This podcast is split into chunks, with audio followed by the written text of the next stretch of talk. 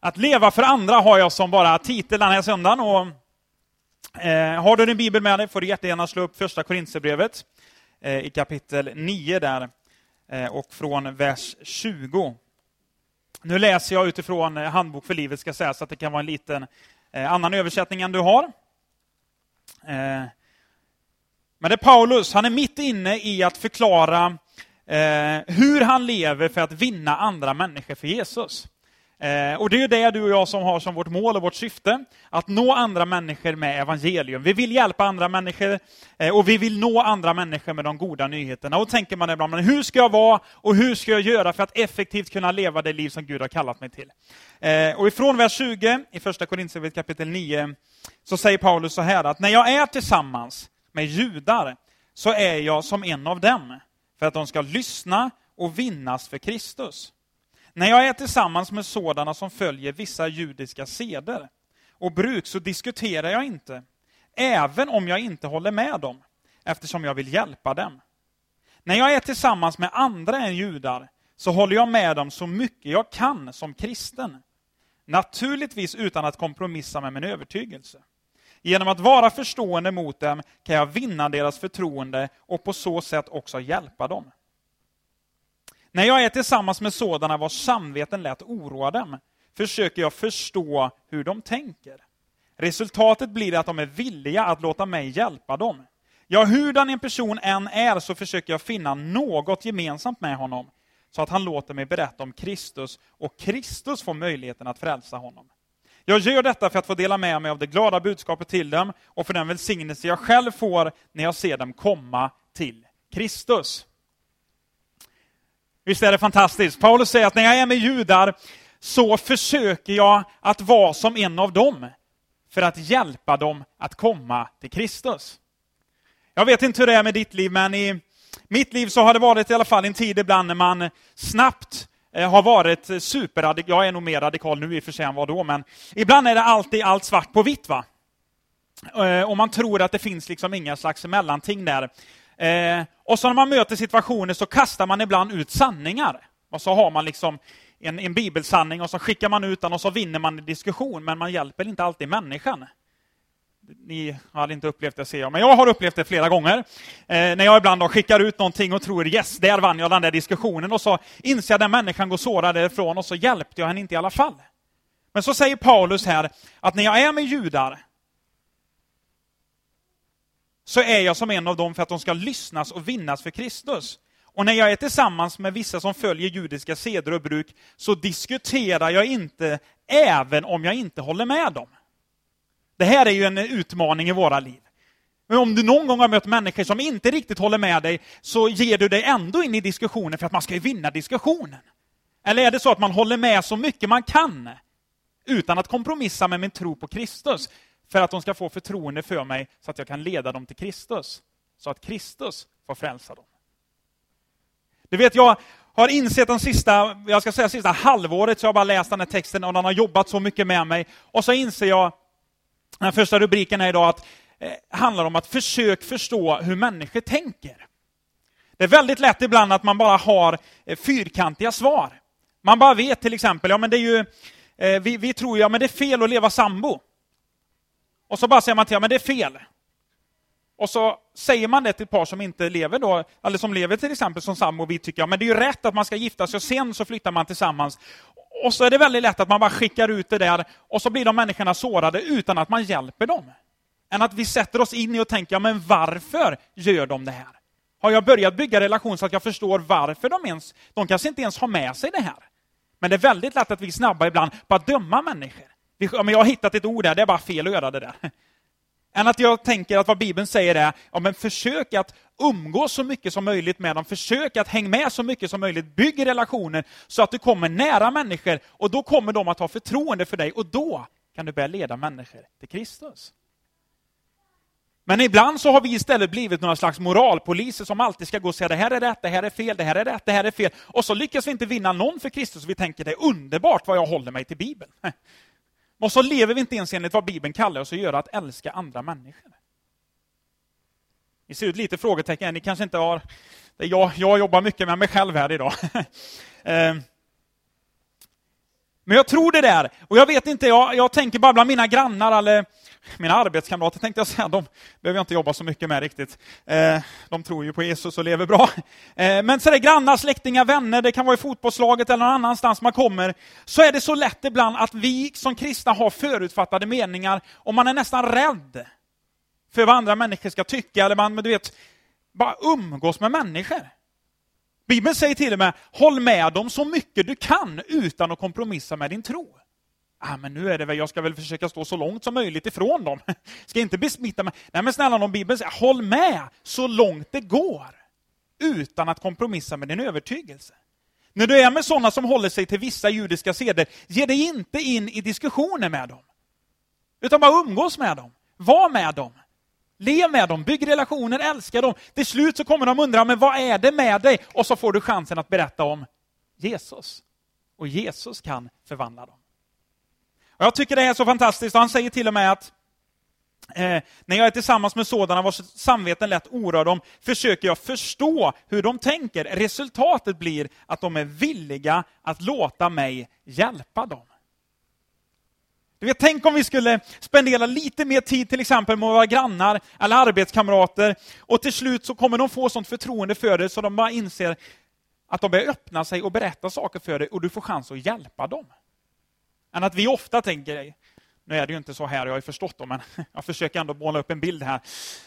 Att man istället då skickar ut en bild och det första man ska göra ska bara vittna. Det första jag gör här. Nej, men, var, var människa. Försök umgås med dem, försök att bygga relation och till slut kommer man så vad är du för människa? Vad, vad, vad, vad är det du har? Du är alltid så glad eller du lyser och säger, men jag är inte alltid glad. Men då behöver du umgås med den helige ande. Han är glad. Och när han bor på insidan så blir man glad. Så är det, eller hur? Ett av andens frukter är ju glädje. Underbart med glädje. Alltså, ni börjar le lite nu i alla fall. Kan nog få igång er. Det var lite trögt här idag känner jag.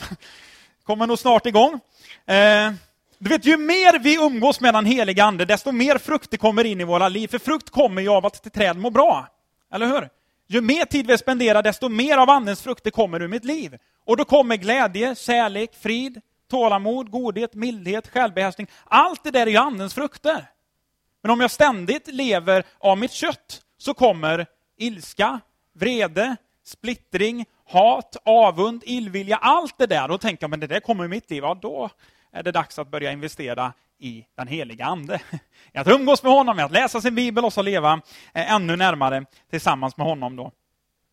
Men det första bara, att försök att förstå. Jag tror att vi som kristna ofta behöver försöka förstå hur människor tänker. Sätta sig in, vi vet ofta hur vi själva tänker va? Men varför gör din granne som den gör? Ja, men har du någon gång frågat? Varför de beter sig. Har du någon gång frågat varför de dricker det där eller varför de gör på det sättet? Har vi någon gång sett oss in i att försöka förstå hur de tänker? Alla har vi varit väldigt snabba på att skicka ut ett bibelord eller en sanning och tänka, där fick jag dem. Eller istället börja bygga relationer, försök förstå hur de tänker för att kunna vinna dem för Kristus. Paulus fortsätter säga så här. I ett tävlingslopp, säger han, så springer alla, men bara en vinner. Löp därför ditt lopp med sikte på att vinna. Du kanske måste säga nej till mycket som kan hindra dig från att göra ditt bästa. En idrottsman tränar hårt bara för att vinna ett sidenband eller en silverpokal. Men vi kämpar för en himmelsk lön som aldrig förlorar sitt värde. I en annan översättning så står det Tänk på löparna i en stor idrottstävling. Gillar ni sport här? Behöver inte vara blyga, vet du. Klart vi älskar sport. Jag tycker friidrott är ganska kul. Kanske inte sådär, du vet, damernas slägga, det är alltså inget fel i den det är inte det som jag liksom ser fram emot om det är friidrotts-VM eller OS och där, utan löpningen är ju, tycker jag, väldigt, väldigt, väldigt kul. Inte i första hand 10 000 meter heller, utan man minskar ner det till ungefär 100 meter. Då, då är det liksom intensiteten och det är bara maxfokus på allt det där, man tycker det är ganska spännande. Och är det någonting man vill följa i friidrotts-VM så är det ju finalen i 100 meter. Det må, ni måste ju någon Ja, nu börjar ni vinka. Ni kommer börja vinka snart annars. Eh, du vet, när jag växte upp eh, och var lite mindre än jag är idag, eh, så var jag väldigt snabb. Det är jag fortfarande, ska jag tillägga. Kanske var lite snabbare då ändå. Då kallade min lärare mig för Linford Christie. Ni kommer ihåg? Jajamän. Carl Lewis var ju liksom någonstans i sitt esse då. Eh, idag så har vi Usain Bolt som är snäppet vassare kan man säga. Han innehar ju världsrekordet på 100 meter på 9,58. Underbart. Från eh, Jamaica där vi har någon idrottare här känner jag. Ehm, och du vet, om man någon gång har sett det där så är det så här, de här har avstått från väldigt mycket annat för att bli bäst i världen. Det är inte så att de kommer in den dagen, är det lopp idag? De har liksom tränat dag ut och dag in, vecka efter vecka, år efter år för att vara med i det där loppet, för att bli bäst i världen. De har säkert avstått från väldigt mycket annan mat eller bekvämlighet eller massa grejer som säkert hade varit mycket skönare och roligare, men de bara får säga nej till det för att löpa sitt lopp. Och så säger Paulus, tänk på löparna, vi är väldigt bibliska här nu. Tänk på löparna, säger han, i en stor idrottstävling. Och så tänker man då när de här kommer ut, vet du, de har sprungit sina hit och så är det finalen i 100 meter. De är så fokuserade, så otroligt skärpta på en enda sak, de ska först in i mål. Eller hur? De, kommer ju inte ut där vet du, med en kaffe och en kanelbulle. Va? Ja, nu är det snart final, va? jag laddar max här. Jag drog precis en pizza innan. Va? Nej, men du vet, de är så bara fokuserade till 100% När de går ut, det är typ knappt det går att få kontakt med dem, ser det ut som. De har bara sitt spår, de går fram, de ställer sig liksom i startblocken och så ska de in i mål. Det är ingen som står i startblocken och bara mormor på läktaren, vet du, underbart. Nej, nej, utan de, det är fantastiskt med mormor på läktaren. Va? Men de står där i alla fall, de tänker inte på det. Och de börjar inte heller knacka på grannen, bara, du vilka schyssta skor du har. Utan de bara har sin grej, jag ska först in i mål. Och så ser man så här, de har oftast lite mer muskler än jag har. Även om jag har mycket så har de lite mer. Och så står de där och är maxtränade och du vet, hela deras på något sätt kroppsmassa är bara muskler. Och de har tränat och tränat och tränat för ett lopp på under 10 sekunder. Och de ger hela sina liv för det där loppet. Och så säger Paulus, tänk på löparna i en stor idrottstävling. Och så tänker man på dem och så ser man när de står där fokuserade i startblocken. De bara väntar på att få höra det skottet och då finns det bara en enda sak. Jag ska komma först in i mål. Och så säger Paulus så här. Löp ditt lopp med sikte på att vinna. Och så sen tänk då på de här. Och så tänker jag, hur löper du och jag våra lopp i livet? Har vi samma fokus och skärpa som Usain Bolt har när vi löper våra lopp i vardagslivet? Eller löper vi omkring och vet inte ens vart vi är på väg? Eller har vi samma och vet så här, om jag är här idag och jag ska dit, det är för att Gud har kallat mig dit. Och jag lägger bort massa andra saker som egentligen hade varit väldigt, väldigt kul, men jag får lägga det åt sidan för att löpa mitt lopp med den bästa skärpa och fokus jag kan. Vet vi ibland vart vi är på väg? Paulus utmanar oss väldigt skarpt när han säger, tänk på löparna i en stor idrottstävling. Löp ditt lopp på samma sätt som dem. Mot slutet av sin levnad så sa han så här, jag har kämpat den goda kampen. Jag har fullbordat loppet. Jag har bevarat tron. Jag har kämpat den goda kampen. Jag har lagt massa andra saker åt sidan. Jag har haft en skärpa hela tiden. Jag har vetat vad Gud har kallat mig till. Jag har varit fokuserad för att jag ska löpa mitt lopp med full fokus, med full skärpa. Och ibland så tänker jag när människor kommer och säger, men jag vet inte ens hur jag ska springa, men har du umgåtts med Gud och frågat då vart du är på väg? Jag vet inte med kallelse, men då är det dags att börja spendera tid med Gud för att få reda på din kallelse. Du vet, mer än någonsin så tror jag detta är ett allvar i våra liv. Jag tror inte vi kallar det till, men det blir som det blir, vad underbart om vi får göra någonting kul för Gud. Nej, men jag tror inte det handlar om det. Jag tror att du och jag har en kallelse från Gud på våra liv. Jag tror att vi alla har, oavsett vem vi har, stor eller liten, ung eller gammal, så har vi ett lopp att löpa. Vi är kallade av Gud med ett viktigt uppdrag och ett fokus och en skärpa att springa våra lopp. Och i allt det där så säger Paulus, var skärpta, säger han. Jag vet inte hur många gånger i Nya Testamentet då, då de uppmanar oss till att vara nyktra, vara vaksamma, vara fokuserade, låt inte djävulen ta något tillfälle. Han går omkring som ett trytande lejon. Är vi skärpta för att löpa det lopp Gud har kallat oss till? Tänk på Usain Bolt. Ibland så bara tänker jag på den här bilden och så tänker jag vilket fokus. Jag behöver snäppa upp mitt eget liv. Många snäpp ibland känner jag. Nu blir det lite bekvämt ibland. Jag säger inte att man alltid, man ska vila och man ska hitta det där också, men ibland så skulle vi behöva lyfta oss lite. Vi skulle behöva få lite mer fokus på våra liv, lite mer skärpa till att göra vad vi kallade. Tänk på löparna. William Booth, grundare av Frälsningsarmén, sa så här. Så länge kvinnor gråter som nu, så tänker jag kämpa. Så länge små barn får gå hungriga, så tänker jag kämpa. Så länge män döms om och om igen till fängelse, så tänker jag kämpa. Så länge det finns ett fyllo kvar, så länge det finns fattiga och trasiga flickor kvar på gatan, så länge det finns en enda mörk själ som inte nåtts av Guds ljus, så tänker jag kämpa, jag tänker kämpa ända till slutet. Jag fascineras av den mannen som det, det sägs att han stod en gång i en folkmassa och så bara levde han evangelium vet, och talade och så kom det fram en och bara la en spottloska i hans ansikte och så rann det ner och så sa han, torka inte bort dem. Det är medaljer för Kristus. Du vet vilken förebild, vilket hjärta, vilket skärpa, vilket fokus på att löpa sitt lopp, den kallelse han hade, det han startade, det kanske varumärket Frälsningsarmén som är bland det starkaste vi har i vårt land av att hjälpa andra människor. En enda man som löpte sitt lopp med full fokus och full skärpa på det han var kallad till. Förstå vad mycket vi kan göra om vi får tag på det Gud har för våra liv.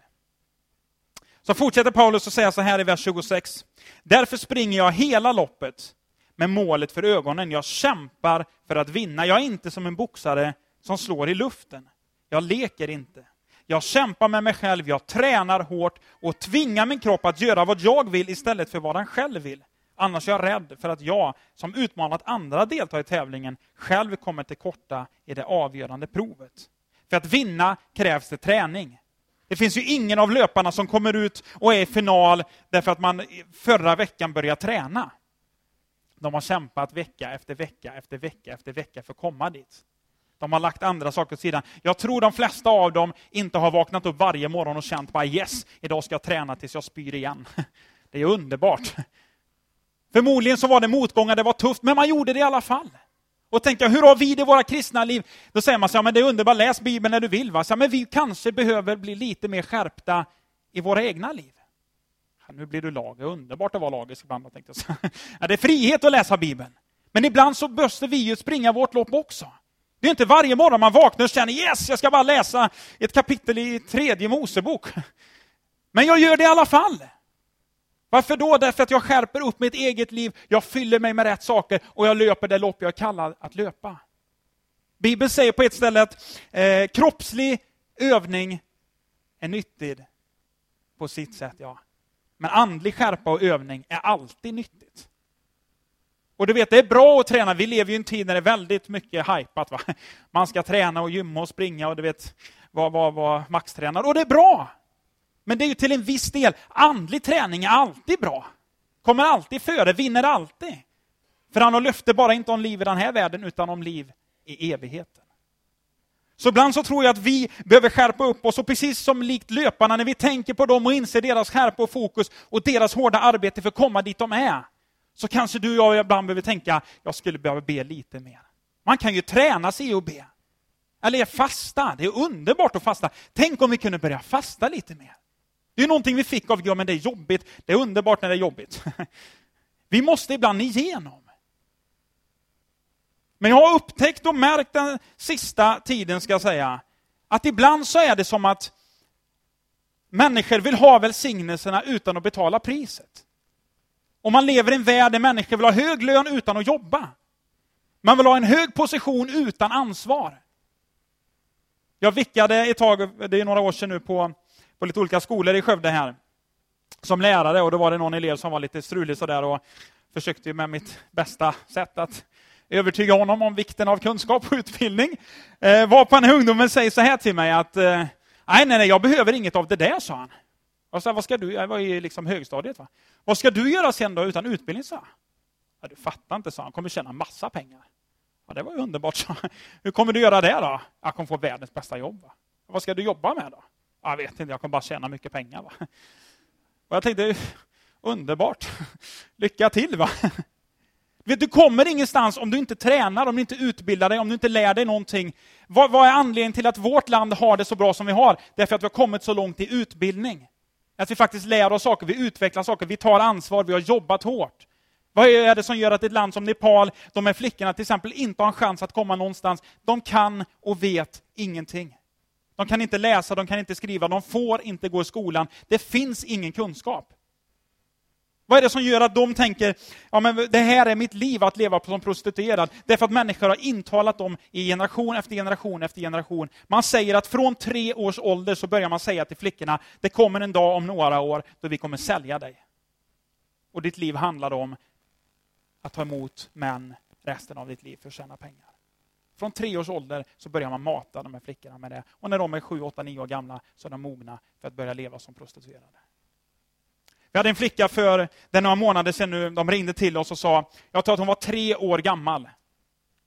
Och grovt våldtagen, tre år.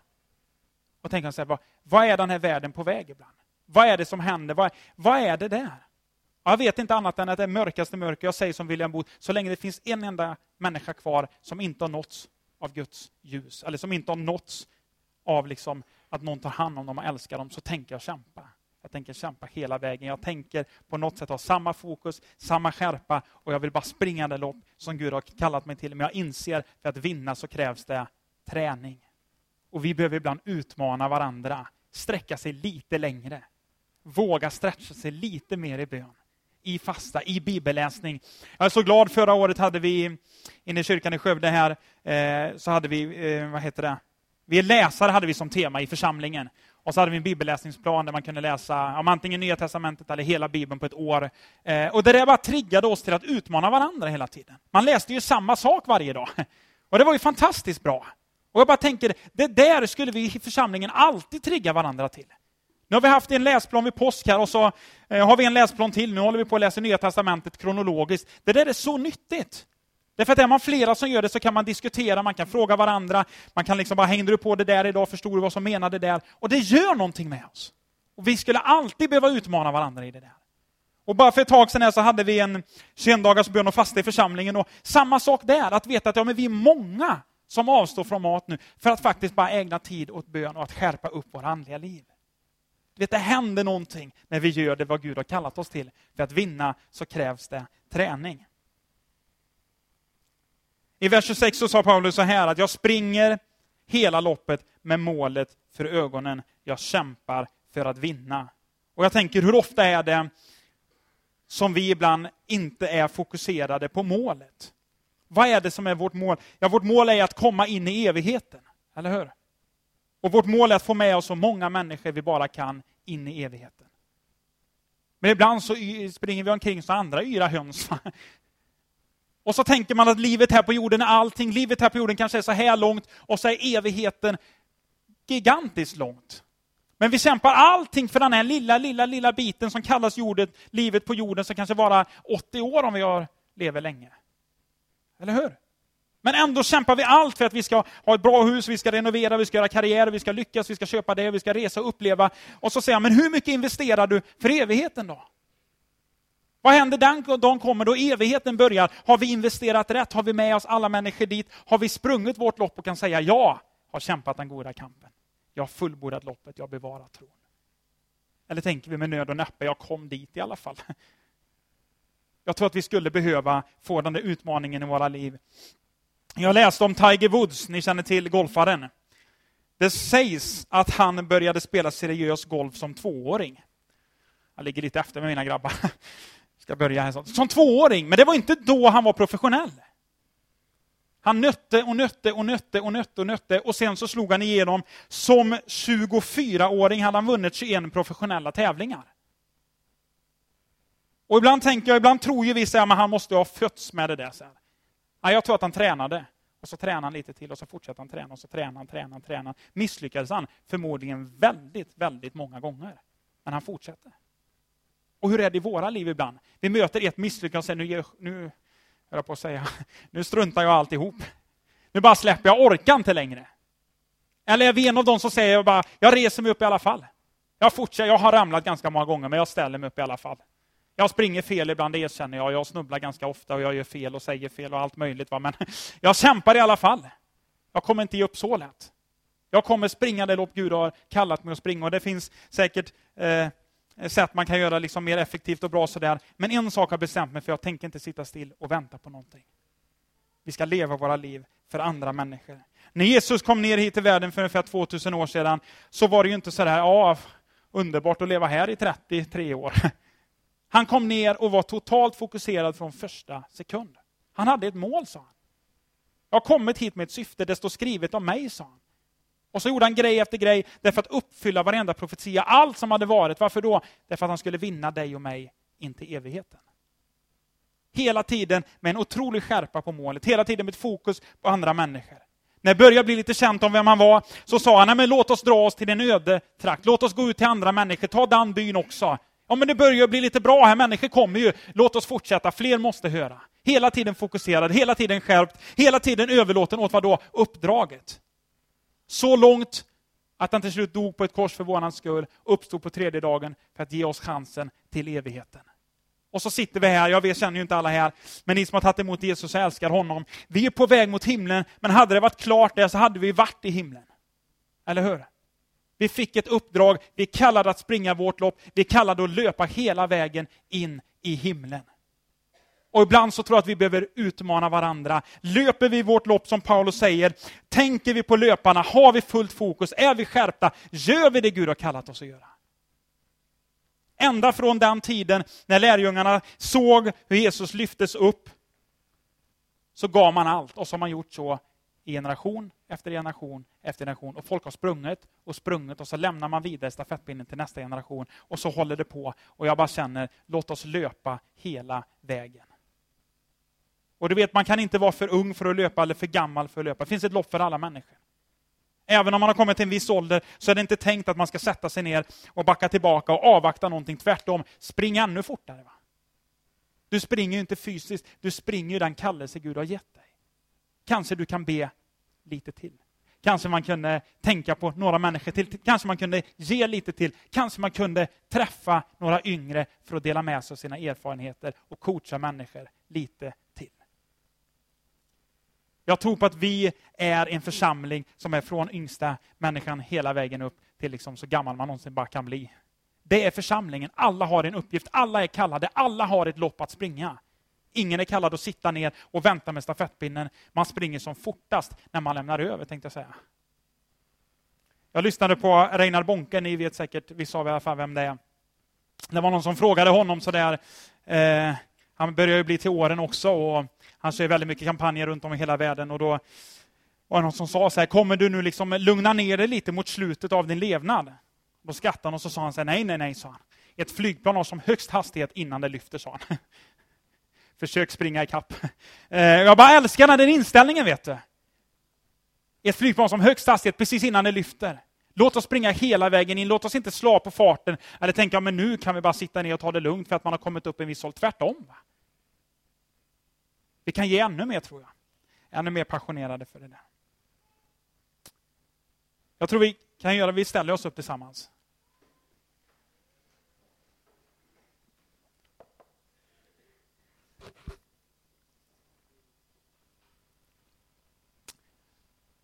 Jag tror att Gud bara utmanar oss den här söndagen. Och jag tror att den helige Ande också bara ständigt jobbar med oss så att vi hela tiden ska hålla skärpan på andra människor. Livet blir väldigt tråkigt om man bara lever för sig själv. Det blir väldigt tråkigt om man bara ska tänka på sitt eget och att själv lyckas, och man ska bygga upp någon slags egen karriär eller eget slott på något sätt. Jag tror att livet ger så mycket större värde om man börjar tänka på andra människor. Om man lever för andra, man hjälper andra, man tror på andra. I Filipperbrevet 2, kapitel 2, vers 3-5, så säger Paulus så här, var inte självupptagna och stolta. Var istället ödmjuka och sätt andra högre än er själva. Se inte på ert eget bästa, utan tänk på andras. Var så till sinnes som Kristus Jesus var. Det är vad vi kallade till. Att sätta andra människor högre än oss själva. Att leva för andra människor. Att tro på andra, att uppmuntra andra, att hjälpa andra människor. Att leva sitt liv för att lyfta människor. Jag tror att det är det som Gud har kallat oss till. Och jag hoppas att den helige Ande får tala till era hjärtan den här söndagen, att han faktiskt vill på något sätt bara röra om på nytt och hjälpa oss att skärpa upp oss för att leva det evangelium som han har kallat oss till. Att vi löper våra lopp med sikte på att vinna. Ska vi göra så att vi eh, bara böjer våra huvuden och blundar en liten stund? Jag kommer inte plocka fram människor på något sätt eller peka ut det. Men jag skulle vilja fråga, därför att jag tror att det finns människor här idag som bara behöver ta nya beslut, som bara känner, ja men det är dags för mig att bara skärpa upp mitt liv. Jag kanske bara håller på och springer omkring, eller jag är inte fokuserad, eller jag har slappnat av för mycket. Och så säger de, men idag så bara tror jag att Guds ord talar till mig. Jag tror det är dags att börja sätta fokus igen. Jag tror det är dags att börja springa det där loppet som Gud har utmanat mig att springa. Om du bara känner att du vill ta ett beslut, medan alla andra blundar här nu, så kan du väl bara lyfta upp handen som ett tecken mellan dig och Gud. Om du bara känner att ja, det är dags för mig att ta ett nytt beslut. Det är dags för mig att springa med full skärpa igen. Det är dags för mig att lägga bort andra saker som ligger i vägen och göra det där Gud har kallat mig till. Medan alla blundar så får du jättegärna bara lyfta din hand som ett tecken mellan dig och Gud. Så ska vi bara be en bön tillsammans. Jag tror det finns många människor här inne. Tack Jesus. Det går upp händer. Tack Jesus. Det går upp flera händer. Finns det någon mer som bara känner, men det är dags för mig att bara på nytt sätta skärpan, sätta fokus.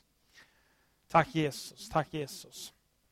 Det går upp fler händer. Tack Jesus, tack Jesus.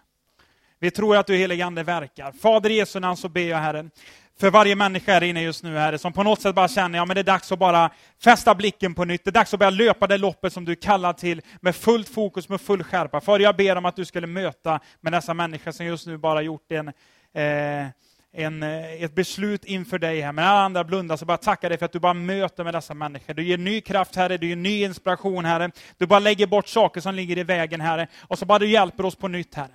Att löpa de där loppen, precis som vi kallade Fader. Att inte springa omkring och irra, utan tvärtom bara ha målet för ögonen, Fader. Springa med fokus, Herre. Springa med skärpa och passion, här i det lopp som du har kallat oss till. Tack att du helige Ande ger kraften här. Tack att du sa inte att det kristna livet var ett enkelt liv, men du sa att du är med oss alla dagar in till tidens slut. Och det är det vi tackar dig för Jesus. Hjälp oss att göra det med kraften från den helige Ande. Hjälp oss att inte springa våra egna lopp, Herre, utan springa de lopp som du har kallat oss till, Herre. Jag tackar dig att du möter med var och en av oss just nu, Herre. Du kommer med din kraft, Herre, med din inspiration, Herre, med din glädje, Fader, och med allt vad du har, Herre, för att lyfta oss, Herre, och ge oss det vi behöver. Fader, vi tackar dig för det i Jesu namn. Fader, i Jesu namn. Jag tror vi ska göra så att vi ska sjunga några sånger till här. Eh, ni får jättegärna, om ni orkar, stå kvar en liten stund. Eh, så kan vi också öppna upp för förbön. Ni sångare får jättegärna komma fram här. Så, eh, så under tiden vi börjar sjunga tillsammans, så öppnar vi upp första bänken här. Eh, så får ni jättegärna komma fram, så är vi flera som jättegärna är med och ber här och lägger händerna. Och, eh, det kan vara oavsett vilket behov du har, ska jag säga, så får du mer än gärna komma fram. Eh, så vill vi be tillsammans. Så vi tror att den heliga Ande gör någonting när vi ber tillsammans. Vi tror att det finns en styrka i att komma och hjälpa varandra i bön och faktiskt komma och få hjälp av Gud. Så låt det inte bara vara en stund där vi väntar av någonting, utan eh, var med nu i sångerna, var med och sjung. Och känner du att om jag vill att någon ber för mig, så bara kan du komma fram till första bänken här så tar vi och ber tillsammans. Amen.